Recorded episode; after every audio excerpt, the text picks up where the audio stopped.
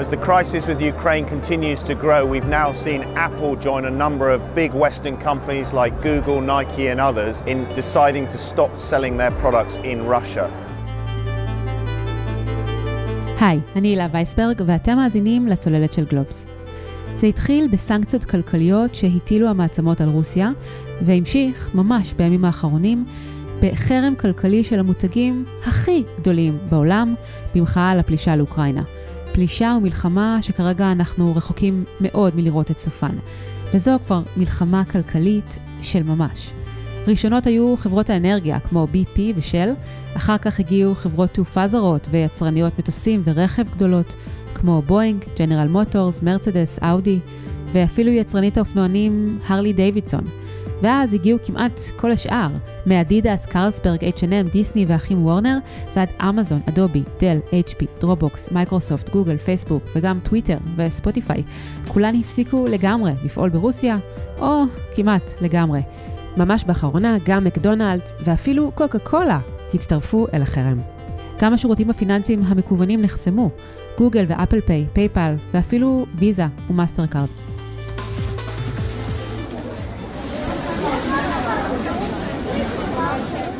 אלה היו קולות מתוך אחד מסניפי איקאה ברוסיה ביום חמישי. היום האחרון שבו הסניף עוד היה פתוח, כשהלקוחות צבעו על המדפים בניסיון להשיג עוד שרפרף שוודי אחד הביתה. Android я не хочу. Вот. Я настолько привык к тому, что у меня и ноутбук, и телефон, и наушники. וזה היה ניקיטה, תושב מוסקבה, שאמר בשבוע שעבר, התרגלתי למחשב הנייד של אפל, לטלפון הנייד, לאוזניות ולשעון, אני לא רוצה למכור את זה בשביל גרושים, אהיה מאוכזב מאוד, אם מאבד את הכל. החרם הכלכלי מצטרף לניתוק של רוסיה ממערכת הסוויפט הבינלאומית להעברת כספים ממדינה למדינה. היא גם נותקה ממרבית יתרות המטבע הזר שהיו לה, ונועדו לאפשר לה למשוך זמן במלחמה, בעוד שער הרובל צונח. אז נכון, לנשיא רוסיה, ולדימיר פוטין, יש עוד נשק בארסנל במלחמה הכלכלית הזו.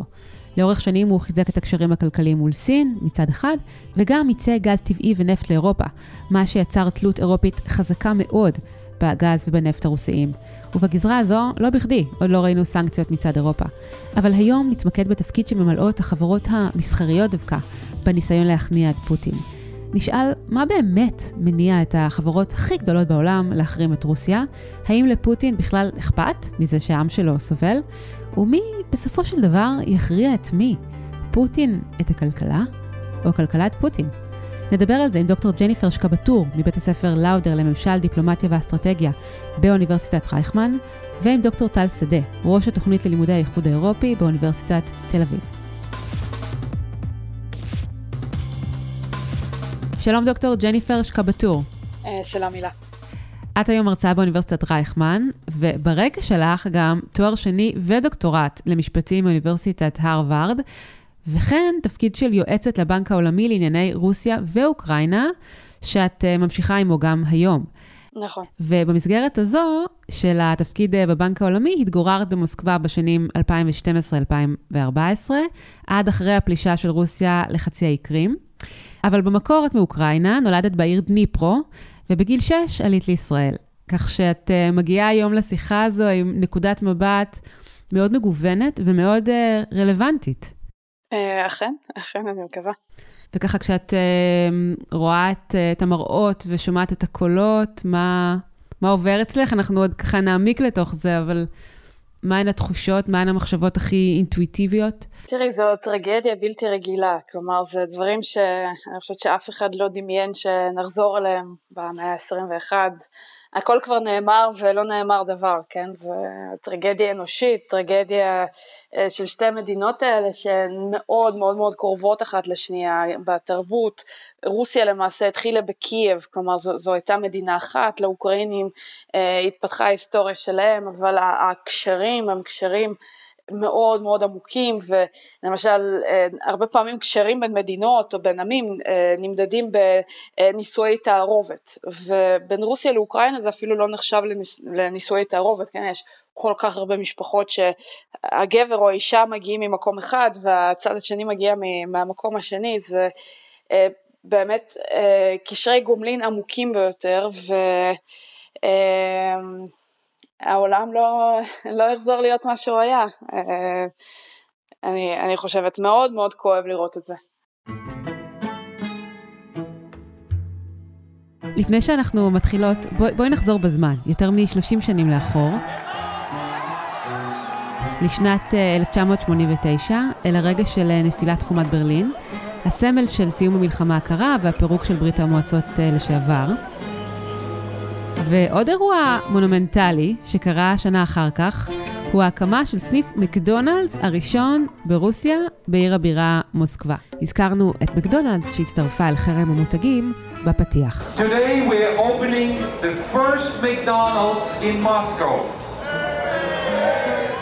אנשים שהיו שם מספרים שהתורים שהיו אז מחוץ אה, לסניף היו יותר ארוכים אפילו מהתורים שהשתרכו מחוץ לקברו של לנין, שגם הם תמיד אה, ארוכים ביותר.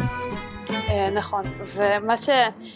מה שגם חשוב להדגיש, אולי אפילו לחזור לא 30 שנה אלא 40 שנה אחורה, ברית המועצות חיה בצורה מאוד מסוגרת והגישה של תושבי ברית המועצות למותגים וגם אה, ג'ינס של ליווי נחשב למותג נחשק, אה, הגישה שלהם הייתה מאוד מוגבלת והייתה כניעה למותגים מערביים. אפילו אה, למשל כשמישהו היה מצליח להביא בגדים או נעליים מיוגוסלביה לשעבר, שזה היה מקום יותר מערבי או מגרמניה המזרחית, זה, זה היה נחשב להישג בלתי רגיל ומרוב שהאידיאולוגיה הסובייטית הייתה אידיאולוגיה מאוד ככה אנטי חומרנית, דווקא אנשים מאוד מאוד נמשכו למותגים, לחומר, לבגדים, לנעליים, לשמות, זה היה מושא לכמיהה בשנות ה-80 וכשברית המועצות התפרקה הייתה נהירה למותגים, למותגים האירופאים, האמריקאים, זה היה מקדונלדס, זה היה פראדה, זה היה BMW, הרמה שבה הדברים האלה הפכו לסמלי סטטוס נחשקים זה משהו שאני חושבת שלנו כישראלים קשה להבין כי אנחנו חיים בחברה של שפע שהיא, שגם בה כמובן יש את כל המותגים האלה אבל זה לא וגם אנחנו נורא התלהבנו של... מסניף מקדונלדס הראשון שנפתח בקניון איילון ברמת גן. נכון אבל עדיין אני חושבת שהכמיהה הרוסית למותגים היא מאוד משמעותית וכל מי שביקר במוסקבה יודע עד כמה זה משמעותי איך אתה לבוש ומאיפה השעון ומאיפה החליפה וזה דברים שהם הרבה הרבה יותר חשובים שם הנראות הזאת אה, מאשר מה שאנחנו מכירים בחברה המערבית שבה כמובן זה אולי זה גם נחשב, אבל לא, לא ברמות כאלה, כלומר שם זה ממש מבחינתם ברוסיה, זה, זה מגדיר אותם, זה מגדיר את ההצלחה שלהם, זה מגדיר את הסטטוס שלהם, אה, דווקא היום זה פחות מקדונלד, זה יותר המותגים היוקרתיים שאנחנו, אה, שאנחנו מכירים ושמבחינתם יש להם משמעות עצומה. הייתה תחושה אז, בתקופה ההיא, שאנחנו נכנסים לעידן חדש במאזן הכוחות הבינלאומיים, והתיאוריה שהייתה אז הרווחת בתחום הדיפלומטיה, הייתה ששתי מדינות שיש בהן מקדונלדס לא יילחמו אחת בשנייה. ולאחר מכן, כפי שציינת בעצמך, ראינו באמת כניסה מאוד מאוד מואצת של המותגים הכי גדולים לרוסיה. אז מה באמת קרה בעשורים האלה שמאז נפילת החומה ו... ונפילת מדינות ברית המועצות לשעבר? בהיבט הזה של אה, מודרניזציה וקרבה למערב? אז אה, יש פה שאלה לגבי שתי המדינות, כן? לגבי רוסיה בשנות התשעים הייתה, הייתה ברוסיה כמיהה למערב, היא רצתה להיות חלק מהמערב, היא רצתה למצוא את מקומה, וזה אה, נושא מאוד גדול כמובן, אבל אם, אם לסכם את זה, הם הרגישו שהמערב לא קיבל אותם בצורה שהם חשבו שמגיעה להם. אה, שהמערב דחה אותם, שהמערב ראה בהם עוד מדינה ולא את האימפריה הרוסית שהרוסים ראו בעצמם ועדיין רואים בעצמם ומהתקופה של, אה, של פוטין אה, למעשה התחילה איזושהי תנועה נגד המערב כשעדיין ההסתכלות היא תמיד לשם, כלומר זה תמיד עניין של אנחנו נגדם. ורק נציין בסוגריים שפוטין נמצא בשלטון כבר כ-20 שנים. כן. מה שמאוד אה, מרשים לגבי פוטין אה, זה שהוא מאוד יודע לקלוע למה שהעם רוצה. כלומר עם כל האמירות עליו ועל הפסיכופת והדיקטטור, אבל בסופו של דבר מה שאנחנו רואים בסקרי דעת קהל הוא משקף את מה שהרוב רוצה אה, והרוב רצה להרגיש את עצמו לאימפריה, למדינה שהיא חוזרת לגדולה שלה שהיא כביכול איבדה אותה וזה התהליך שבגלל רוסיה עברה בשנים האלה עם כל מיני כמובן זה לא היה לינארי לגמרי אבל זה היה הכיוון.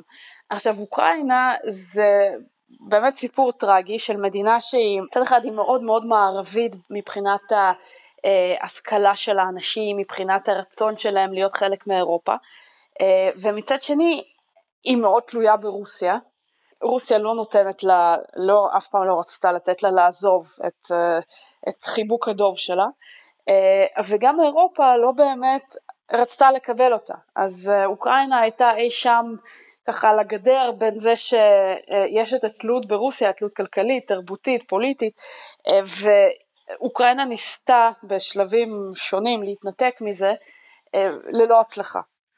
ואירופה לא ממש קיבלה אותה ולא רצתה את העימות הזה עם רוסיה ואוקראינה נמצאת בין הפטיש לסדן למעשה אה, כשפניה חד משמעית היום, בוודאי היום אבל גם לפני המלחמה שהתחילה, פניה של אוקראינה אה, לעבר אירופה, הם רוצים לראות את עצמם חלק מאירופה, הם רוצים להתפתח, הם רוצים כלכלה חופשית אבל הם לא מצליחים, גם בגלל שרוסיה לא רוצה שהם יעזבו, כי מבחינת רוסיה זה אזור השפעה פוליטי טבעי שלה, רוסיה רואה את עצמה כאימפריה, אה, לפחות אימפריה אזורית, וככזו זה הבקארד שלה, זה המקום שמבחינתה היא צריכה להשפיע בו. וזהו, וזה מה שהוביל לסיטואציה הנוכחית. אבל בתוך רוסיה עצמה את מתארת איזושהי דואליות. מצד אחד, אה, יש את הכמיהה הזו שמייצג פוטין לימי, חזרה לימי אה, האימפריה הגדולה, ברית המועצות שחולשת על אה, שטח עצום ו... והרבה מאוד מדינות, ומצד שני את אומרת התלהבות וכמיהה מאוד גדולה אל המערב ואל המותגים. אז כן, איך זה עובד יחד? הדואליות הזאת ברוסיה היא דבר שהוא ככה אה, אה, קשה עד הסוף להבין אותו כי, כי את לגמרי צודקת. הכמיהה היא לשני דברים, כלומר מצד אחד הם רוצים להיות אימפריה, מצד שני המחשבה על שופינג במילאנו או על בית בלונדון זה חלומו של כל, כל רוסי, כן? אז הם רוצים את שני הדברים ביחד. אבל הם לא רוצים להגיע לאותו שופינג במילאנו בלי שהם, בלי, בלי שהם אימפריה, הם לא רוצים להיות עוד מדינה, וזה באמת מעניין, שזה מעניין עד כמה התמיכה בפוטין היום ברחוב הרוסי היא גבוהה. עכשיו זה כמובן בגלל הפרופוגנדה ובגלל החשיפה לטלוויזיה שנשלטת על ידי הקרמלין ועדיין. כנראה שיש שם איזה משהו ש... שהוא קלה אליו מבחינת מה שהרוסים רוצים לראות. אבל הציבור הרוסי מבין ש... הוא לא יכול להיות גם אימפריה וגם לעשות שופינג במילאנו? זה לא עובד יחד? לא, אני חושבת שהם אה, חושבים שלהפך, והם גם, אני חושבת שהם רואים את הסנקציות כ- כדבר זמני ומוגבל. Uh, הסנקציות גם, רק עכשיו הן מתחילות באמת להגיע ל- לאזרח הקטן, כן? כלומר, כל ההגבלות על הבנקים ודברים כאלה זה דבר ש... הוא לא השפיע כי מלכתחילה אזרחי רוסיה החשיפה שלהם לדולר הייתה מצומצמת. לרוב הגורף של התושבים שם אין חשבונות דולרים ואין עסקים מחוץ לרוסיה. אבל עכשיו כשהרשתות נסגרות זה כבר משפיע יותר וגם אה, זה יכול להוביל לזה שהם עוד יותר מתלכדים סביב הדגל, כלומר כל העולם נגדנו, אה, עוזבים אותנו, מתעללים בנו וכולי. אז עכשיו אנחנו רואות אקסודוס מרוסיה של שלל מותגים גדולים, של חברות מערביות רבות. האם החרם הכלכלי הזה היה מפתיע בעינייך? ועד כמה הוא חריג? אני חושבת שזה היה מפתיע, אני חושבת שגם uh, עבור פוטין זה, זה היה מפתיע, גם החרם, ה... כלומר הם ציפו לחרם ש, של הבנקים והסנקציות הפרסונליות נגד המקורבים שלו, אבל זה שחברות פרטיות עוזבות בצורה כזו, uh, זה מפתיע וזה חריג, אני לא חושבת שזה קרה בסקאלה כזו אה, אי פעם, ואני חושבת שזה ניצחון תודעתי מאוד מאוד רציני של אוקראינה, שהצליחה לאחד את המערב בצורה כל כך מרשימה.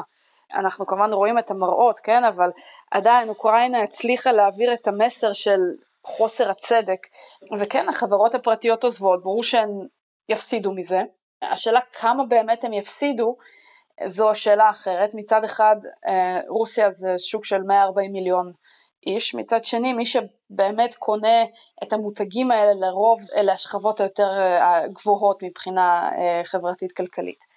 מאוד קשה להעריך בדיוק את ההפסדים, כן, וגם כמה אותן חברות ירוויחו בדעת הקהל המערבית על זה שהן עזבו את רוסיה. איך את רואה את הרציונל למהלכים הללו? בסופו של דבר מדובר בחברות עסקיות שפועלות כדי להגדיל את אה, שורת הרווח, אה, משם הן, אה, הן מסתכלות על פני הדברים. האם הפעולות הללו מתיישבות עם זה שהן בסופו של דבר רוצות להרוויח, ואיך? זה נראה שהחברות הפרטיות האלה כן אה, מביאות איזושהי עמדה פוליטית, זה דבר שהוא באמת חריג, אנחנו אולי ראינו את זה קצת בסין כשגוגל עזבה למרות שזה היה בלחץ השלטונות, אבל אה, בהחלט, כלומר זה, היו שם, היו שם חברות שכנראה הופעל עליהן לחץ, נגיד מאסטר קארד וויזה, אה, דובר כל הזמן על זה, ש, אה, על, על העזיבה שלהם כחלק מהסנקציות הכלכליות של ארה"ב. אז יכול להיות שהיו שם לחצים כאלה ואחרים, אבל אה, כל המותגים האחרים שעזבו, זה כבר, זה כבר סיפור אחר, וגם מה שקורה ברשתות החברתיות, פייסבוק וטוויטר ו... אינסטגרם התחילו לעשות פילטרציה של תכנים של הקרמלין ובתגובה לזה רוסיה חסמה אותן. אז גם המרחב הווירטואלי אה, נחסם וגם ממנו חברות עוזבות, גם אותו. יכול להיות באמת שהחברות אה, מגיבות לציפייה מהן מצד, בוא נגיד, רוב צרכני העולם. שכן רוצות אה, לראות אותן אה, נוקטות עמדה. ומצד שני, צריך גם אולי להסתכל על זה בעיניים קצת יותר אה, סקפטיות. רוסיה היא אומנם מדינה גדולה, אבל היא נחשבת שוק קטן יחסית מבחינתן של אה, הרבה אה, חברות אה, אה, מסחריות, ואולי החברות האלה כבר צופות את פני העתיד. הן מבינות שהן בכל מקרה לא יוכלו לפעול אה, ברוסיה בקרוב, בגלל המלחמה שרק תופסת תאוצה. אז הן הקדימו תרופה למכה. עזבו וציירו את זה כאילו מדובר במהלך שעטוף באמירה פוליטית. אה, בהחלט ייתכן. הרובל קרס, הרובל עכשיו אה, לעומת הדולר נמצא בשיא השפל שלו. אה, אם לפני המלחמה רובל, דולר אחד היה שווה 70 רובל, היום זה באזור המאה ה-20. והשאלה עד כמה באמת לחברות האלה שהן כן, החברות הבינלאומיות שהן כן מסתמכות על הדולר, יכול להיות שזה באמת שיקול של עלות תועלת, כלומר פשוט לא משתלם להם יותר להעסיק עובדים ו, ולמכור וכל הקווי אספקה עם זה שהמטבע קרס ולא ברור עוד כמה אה, הדבר הזה יימשך והעניין של המאסטר קארד והוויזה, כרטיסי אשראי לא עובדים והסנקציות במובן הזה פוגעות כמובן גם באותן חברות שעובדות ברוסיה ובהחלט ייתכן שהם פשוט אה, צפו את, אה, את פני העתיד וראו שזה יהיה לא משתלם לעבוד באזורים האלה. וקיוו אולי על הדרך... להרוויח מזה איזשהו... ועל הדרך כמובן קיבלו גם את ההון הפוליטי, כן. כן. בנוגע למצבם של האזרחים, נתקלתי בכמה אנקדוטות בכתבה של ה-Financial Times מסוף השבוע האחרון. שם נכתב למשל שיבוא האלכוהול לרוסיה נעשה כל כך יקר בגלל צניחת הרובל, שהוא כמעט נעצר לגמרי, וצפויות עליות מחירים של 15% ויותר. אשת יחסי ציבור בשם אולגה סיפרה שהאוכל לכלב שלה מיובא מבלגיה והיא לא מצליחה להשיג אותו יותר. היא אמרה לעיתון, אני חוששת מאוד ממחסור במוצרי מזון ומעליות מחירים. זה דווקא העניין של, ה, של האוכל נגיד, זה דבר שדובר עליו הרבה אה, סביב הסנקציות של אה, שנת 2014 כשרוסיה סיפחה את חצי האי קרים. גם אז הוטלו סנקציות רבות ולמעשה אה, היבוא במיוחד בתחומי המזון אה, מאוד מאוד הצטמצם ממדינות אירופה. והדבר הזה דווקא השפיע אפשר לומר לטובה לרוסיה כי הם אה, במקום למשל אה, לצרוך גבינות צרפתיות הם, הם התחילו לייצר גבינות משל עצמם אולי באיכות פחות, פחות טובה אבל הם, הם מצאו לזה כל מיני תחליפים אז זה יהיה מעניין לראות עד כמה אנחנו נראה את אותו הכיוון של מציאת תחליפים לכל מיני מוצרים שקודם היו מוצרים בינלאומיים. ויחד עם זה גם צריך לזכור שמי שצרך את המוצרים הבינלאומיים האלה זו האליטה. כלומר לא אליטה של אוליגרכים, אבל זה המעמד הבינוני גבוה, אולי גב, אפילו גבוה מאוד, אה, שמתגורר במוסקבה, בסן פטרסבורג, בעוד כמה ערים גדולות, אבל זה לא הרוסי הממוצע, כן? העם פחות חשוף לדברים האלה, אפילו פחות חשוף למקדונלדס. כן, גם סיפרת לי ככה בשיחה המקדימה שלנו, יש באמת פער גדול בין דעת הקהל של האנשים שמתגוררים במוסקבה, למשל, והם אלה שעכשיו, הם מלינים על כך שהם לא יכלו להשיג את מוצרי העילית של הטכנולוגיה היום, אה, אייפון, מקבוק ודברים אחרים, ודעת הקהל שלהם היא דווקא כנגד פוטין, אבל הם לא מייצגים את מירב האוכלוסייה ברוסיה. זה בדיוק המצב. האליטה נפגעת, ואלה שגם צורכים את המוצרים האלה זה אנשים שהם יותר ניזונים מרשתות חברתיות מבחינת המידע שהם מקבלים, מבחינת התפיסות הפוליטיות שלהם. אה, פוטין במוסקבה, אה, בהצבעות האחרונות שהיו, לא עובר את ה... לדעתי אפילו 30 אחוז, אבל אה, זו אליטה שהיא מצד אחד היא מאוד פעילה, אבל היא באמת לא משקפת את, את רובה של רוסיה, ולזה גם מתווסף החוק שעבר אה, במהלך הסוף שבוע, שלפיו כל אמירה, כל הפצה של fake news על אה, המלחמה באוקראינה נתפסת כבגידה במדינה ואפשר להיכנס ל-15 שנה לכלא. אז גם אותה אליטה שנפגעת, גם כמובן באופן מוסרי מהמלחמה וגם מה, מהמותגים, עדיין אף אחד לא מעז לומר כלום בגלל, ה... בגלל הענישה החריפה הזאת, בגלל הגישה הזאת. כשאמרת fake news, הכוונה היא למשהו שהוא כאילו fake news, זאת אומרת, אם אתה כותב משהו שהוא נוגד את אה, הפרופגנדה של, של רוסיה. כמובן. ביום שישי אימא לחייל שנפל בשבי באוקראינה יצאה אה, לכיכר של העיר שלה, לא מוסקבה, איזושהי עיר אה, ברוסיה עם שלט אה, נגד המלחמה אה, והיא נכנסה לכלא לחמישה עשר ימים.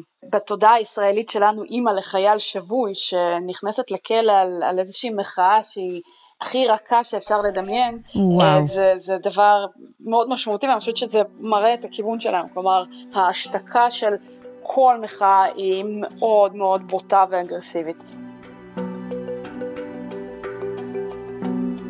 אוקיי, okay, אז אנחנו מדברות על, כיום על מלחמה כלכלית שפועלת בכמה חזיתות. יש גם את הסנקציות, שחלקן הן אה, חמורות מאוד, ויש גם את החרם הכלכלי. עד כמה המלחמה הזו בעינייך היא אפקטיבית? בסופו של דבר גם מדברים על כך שהציבור, בחלקו לפחות, סובל, אבל האם זה משפיע על פוטין? האם לפוטין אכפת מכל זה?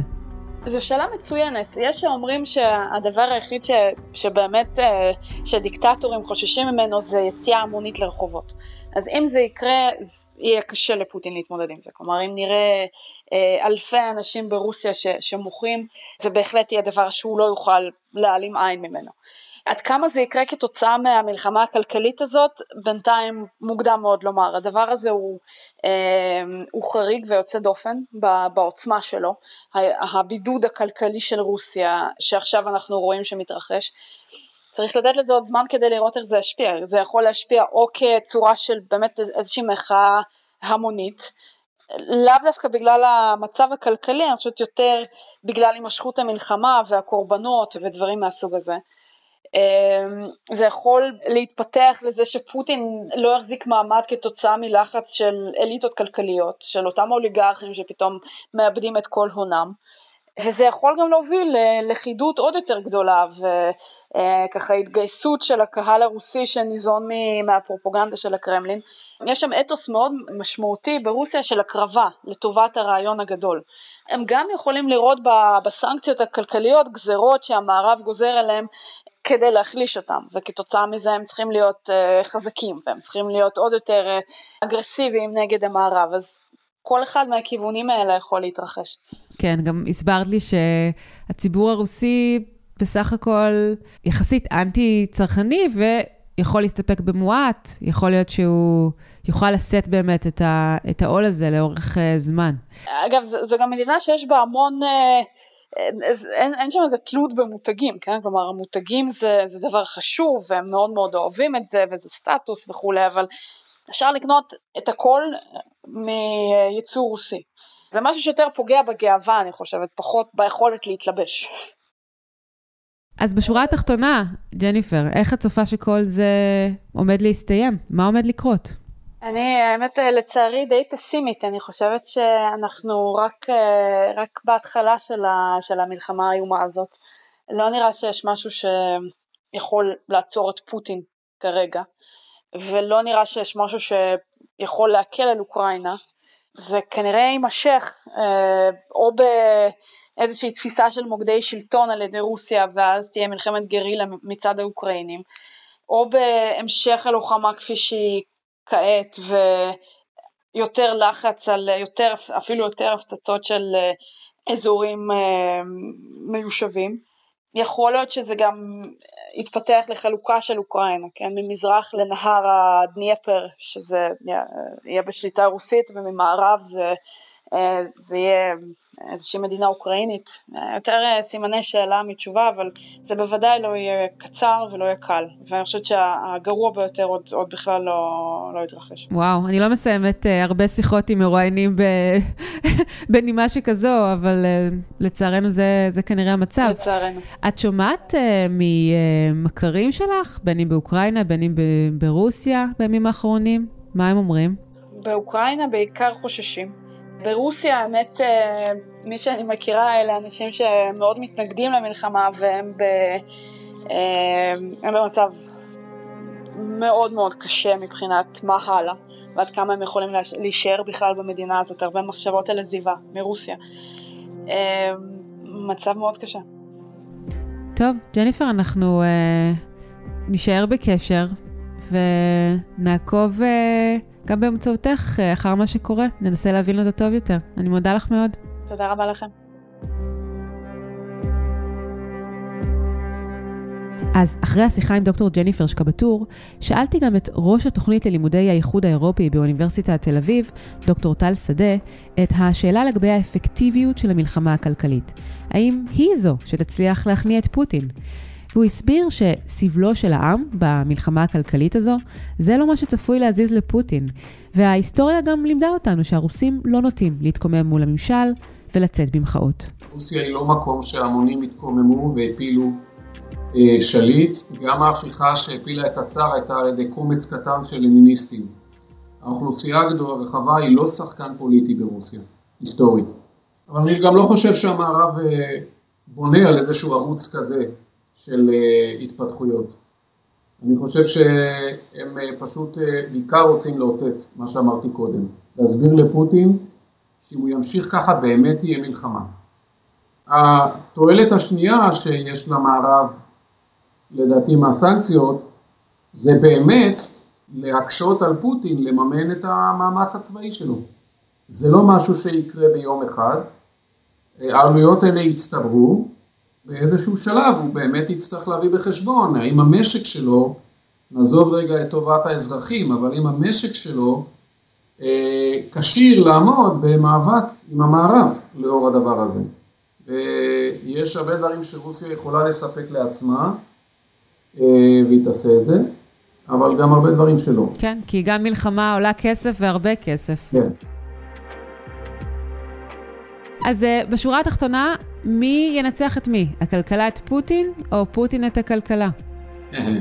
הכלכלה היא לא איזה ישות שמנצחים אותה, אה, בדרך כלל אה, יש לה את הכללים שלה, שנגמר הכסף, נגמר הכסף, במילים הכי פשוטות. ואז עושים כל מיני דברים אחרים, השאלה היא איך למצות את המשאבים. מוגאבה בזימבבואה, רוברט מוגאבה עשה היפר אינפלציה של מיליוני אחוזים. כשמגיעים לקצה הזה מנסים למצות את המשאבים של המדינה בכל מיני שיטות כאלה, אבל זה הורס אותה לדורות. השאלה עד, עד לאן פוטין הולך, מהו הקצה האמיתי שלו, אני חושב שהרבה אנשים עסוקים היום בכל מיני משרדים בלנסות להבין מה האנד גיים, לאן הוא חותר ועד לאן הוא ילך. זו שאלה חשובה מאוד, כי הוא עלה על נתיב שלא חשבו שהוא ילך בו, המערב הגיב אולי לא כמו שהוא חשב שהוא יגיב, ואני חושב. חשוב לכולם עכשיו לחשוב ולרכז מוחות היטב לאן זה מוביל, כי מה, המשחקים שעושים היום הם uh, מבוססים על משחק הסיום. חושבים קדימה, כן? מה, מה יקרה בסוף? השיא הוא כמובן לימוד גרעיני. מזה הולכים אחורה. איזה צעדים יובילו אותנו לשם ואיזה לא. Uh, פוטין לא יכול לנצח, לנצח מציאות כלכלית, אף אחד לא יכול לנצח מציאות כלכלית, היא בסוף אה, אה, הכרחית. אה, מה שכן הוא יכול לעשות זה לנהל מלחמה שתהרוס גם את רוסיה להרבה זמן, אבל אני חושב שמה שמעניין אותו זה שימור המשטר, הוא מנסה למנוע דמוקרטיזציה, ועם המהלך הזה אני חושב שהוא יצליח. ברוסיה בעיקר, זה מה שהוא מטריד אותו. בבחינת מה? בבחינת uh, תמות נפשי עם פלישתים? מבחינת זאת שהיתרון היחיד שאני יכול לראות למהלך הזה מבחינתו זה שהוא בזאת מוכיח לאנשים שאוכלוסייה רוסית לא יכולה לחיות במדינה דמוקרטית שלא נשלטת על ידי אנשים שהם תומכי הקרמלין. הבעיה עם אוקראינה מבחינתו זה שהייתה דוגמה לא טובה לזה, לא טובה מזווית שלו, ולכן הוא צריך היה להוכיח את זה שזה לא עובד. אז מה הערכה שלך לגבי ההשתלשלות הצפויה של המלחמה הזו? לאן לדעתך היא הולכת? אפשר לעשות כל מיני ספקולציות, אבל בגלל שבעצם נראה ככה שאנחנו מדברים על החלטה של אדם יחיד, פוטין, ועושה רושם שהוא פחות מקשיב ופחות מתייעץ, ואו שאולי הוא מתייעץ נומינלית, אבל האנשים שסביבו כבר לא מסוגלים להגיד לו דעה שהם חוששים שהוא לא ירצה לשמוע. אז אין דיון חופשי אמיתי, אין סיור מוחות אמיתי סביבו, אז זה מתחיל להיות מאוד קשה אה, לנחש מה אדם בודד יעשה או יחליט, ואני ממש, זה גם לא במומחיות שלי, אסטרטגיה, אז אני לא יודע להגיד לך אה, אה, לאן זה ילך, אבל אני רק יכול להגיד לך שמבחינה כלכלית זה מלחמה שרוסיה לא יכולה לנצח. טוב, אז אולי נשאב עידוד משם. דוקטור טל שדה, תודה רבה. תודה לך, שלום.